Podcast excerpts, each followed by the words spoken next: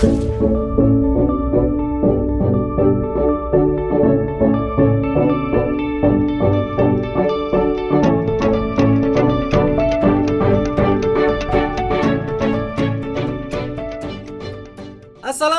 warahmatullahi wabarakatuh. Apa kabarnya teman-teman semua? Semoga tetap semangat dan baik-baik saja. Walaupun dalam masa pandemi corona ini kita tetap diberikan kesehatan oleh Allah dan tetap produktif dalam menjalankan aktivitasnya. Oke, pada kali ini dalam epi- episode kali ini saya akan membahas tentang uh, hal yang paling penting yaitu 7 kesalahan fatal pebisnis pemula. Udah pada tahu apa saja kesalahan fatal pebisnis pemula? Mungkin Anda bisa melihat sendiri bahwa banyaknya pebisnis-pebisnis yang mati di tengah jalan. Banyaknya pebisnis-pebisnis yang tidak melanjutkan bisnisnya. Why? Kenapa itu bisa terjadi? Alasannya dia tidak tahu kesalahan dia sendiri apa dalam berbisnis. Makanya saya di sini akan memberikan sesuai pengalaman saya bahwa saya mengalaminya. Jadi Anda semua yang mendengarkan podcast ini jangan sampai mengalami apa yang saya alami. Jadi ini nih hal-hal yang paling penting ya. Yang pertama sih apa sih kesalahan fatal pemula itu? Yang pertama yaitu asal action.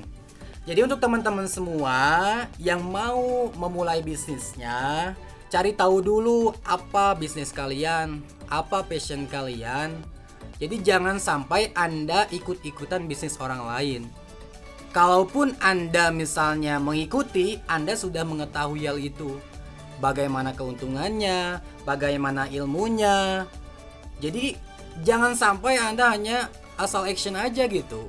Karena sebuah bisnis itu tidak bisa sekedar action. Jadi butuh proses, butuh ilmunya, butuh juga proses yang sangat luar biasa untuk mencapai kesuksesan dalam berbisnis. Itu ya. Jadi jangan sekali-kali Anda asal action. Pokoknya cari tahu dulu ilmunya. Uh, intinya jangan asal action gitu ya. Oke, langsung saja yang kedua, ikut-ikutan. Nah, ini lebih spesifik lagi dari asal action ke ikut-ikutan. Biasanya orang bisnis itu uh, kebanyakan nih ya yang pemula itu kesalahannya di sini nih. Misalnya di tahun 2020 ini bisnis yang sedang trending, misalnya yang sedang ramai itu menjadi seorang dropship, reseller, affiliate marketing. Langsung Anda terjun aja gitu tanpa berpikir, tanpa ada apa namanya filter, ngikut-ngikut. Nah, itu kurang baik juga karena bisnis yang baik itu, bisnis yang enak dijalani itu yaitu bisnis yang sesuai passion Anda. Misalnya Anda uh, hobi atau misalnya menjadi di kesehatan misalnya ya menjadi seorang dokter atau apa. Nah, Anda bisa menjual obat-obatan, apoteker ya. Nanti itu resellernya bisa reseller obat gitu. Biar Anda menikmati prosesnya, biar Anda menikmati apa yang Anda jual juga dan nanti hasilnya pun akan akan enak lah.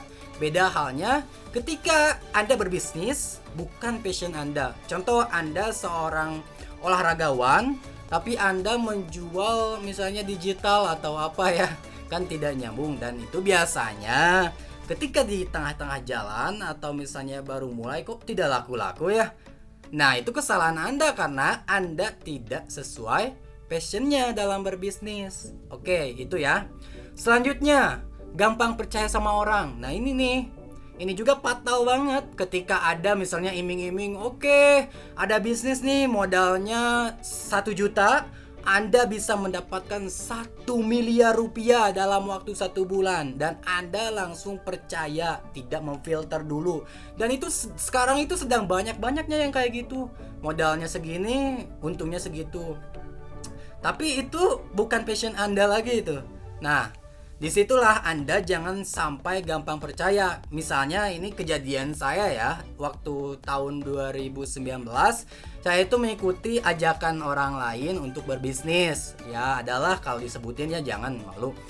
Pokoknya ada uh, saya diajak untuk uh, bisnis satu MLM dan itu ada iming-iming yang spektakuler seperti misalnya dapat uang sekian, keuntungannya sekian. Wah, itu menjanjikan banget ya.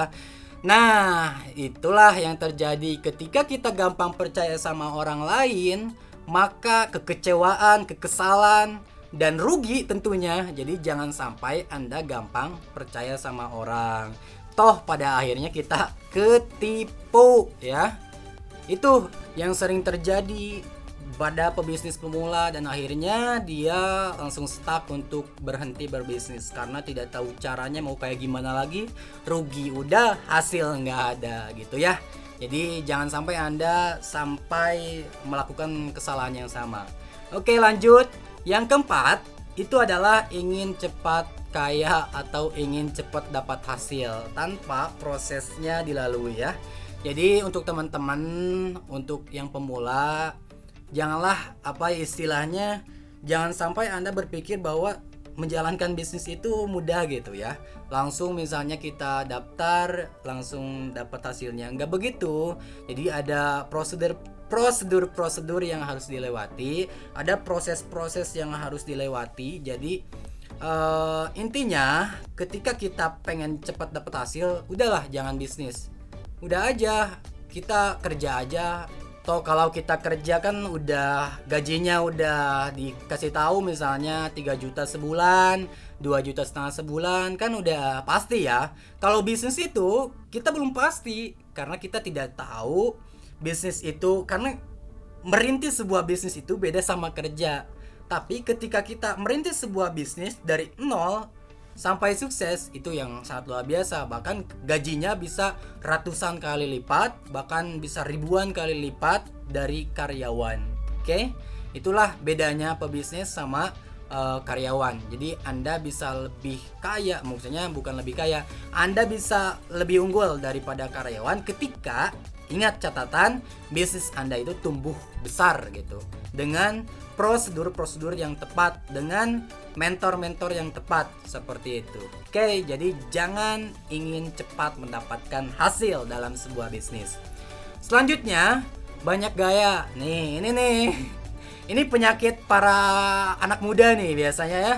Anak muda yang berbisnis online biasanya baru juga bisnis awal udah banyak gaya, pengen beli itu, beli itu. Jadi ingat ya, yang pertama itu, ketika kita berbisnis, pikirkan bag bagaimana caranya modal yang kita keluarkan itu bisa balik kembali atau bisa memiliki hasil. Jadi jangan sampai ketika kita baru juga balik modal, udah banyak gaya, beli ini, beli itu dan pada akhirnya modal habis dan tidak ketutup lagi, bahkan bisnisnya bisa tidak berlanjut karena terlalu banyak gaya. Jadi gengsinya kesampingkan dulu lah sebelum kita sukses nanti juga sebetulnya gengsi itu akan mengikuti kita ketika kita kaya, ketika kita sudah sukses maka gengsi mengikuti kita sendiri dengan sendirinya gitu ya.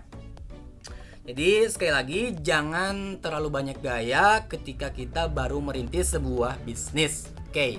Selanjutnya gampang utang ini nih Jangan sampai ketika Anda merintis sebuah bisnis dan Anda pengen modal dan Anda tidak memiliki uang, lalu Anda ngutang sana sini ke bank misalnya pinjam 10 juta, 20 juta, 30 juta yang belum tentu bisnis Anda sendiri itu bisa menghasilkan segitu gitu. Jadi jangan sampai kalau bisa ya nih, uh, ini mah saran saja ketika kita mau mulai bisnis, pakai aja modal yang ada. Misalnya anda punya uang 10 ribu. Yang itu aja uang 10 ribu itu jadikan modal awal anda gitu. Misalnya jualan pulsa apa atau misalnya eh, sepuluh ribu itu beli sesuatu lalu dijual dengan apa profit maker misalnya. Beli sepuluh ribu dijual dua puluh ribu kan itu ada gitu. Jangan sampai anda langsung mem, apa memilih bisnis besar gitu pinjam oh beli di toko barang-barangnya semuanya langsung siapin tempatnya dan pada akhirnya tujuan Anda itu tidak akan dapat gol apa-apa gitu ketika Anda langsung ke dalam uh, apa istilahnya masuk ke bisnis yang besar. Jadi proseslah dari yang kecil dulu, sedang dan nanti itu juga nikmat prosesnya. Jadi intinya Anda harus melalui semua prosesnya dari paling terkecil sampai ke yang besar begitu jadi nanti ketika anda uh, apa melalui proses dari kecil sampai besar nanti anda enak ketika Anda misalnya ya walau alam Anda bangkrut misalnya.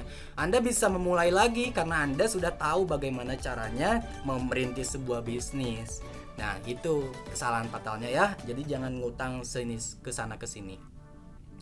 Yang terakhir itu buta finansial. Apa itu buta finansial? Misalnya ketika Anda memulai bisnis, udah banyak gaya misalnya ya bukan saja mengatur uang tapi bagaimana uang itu muncul Anda harus perhatikan ilmu ilmunya ada itu jangan salah ya ilmu melek finansial itu ada dipelajari nah itu Anda harus cari tahu dulu misalnya ya banyaklah sekarang itu apa ilmu-ilmu pengetahuan yang uh, istilahnya gratis bahkan modal kuota aja kita udah banyak ilmu ya. Misalnya kita cari di Google apa itu ilmu melek finansial.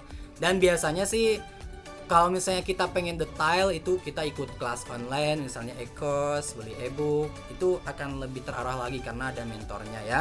Biasanya ada yang lifetime ada juga yang misalnya per bulan bayar nah kita usahakan uh, yang lifetime aja lah yang seumur hidup jadi misalnya kita beli e-course 500 ribu ilmu melek finansial dan nanti di situ misalnya apa profit Anda dari ketika membeli apa e-course itu 500 ribu Anda bisa uh, mendapatkan sesuatu yang lebih besar dari situ. Biasanya ketika menjual barang 500 ribu value-nya harus lebih besar dari itu. Itulah salah satu kenapa pebisnis-pebisnis sukses.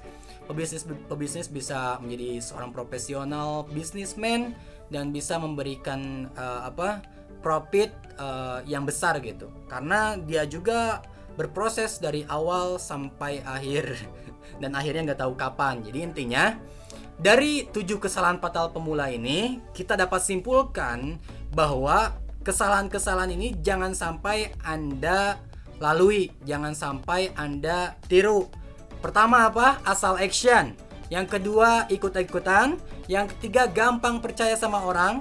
Yang keempat, ingin cepat kaya atau ingin cepat dapat hasil.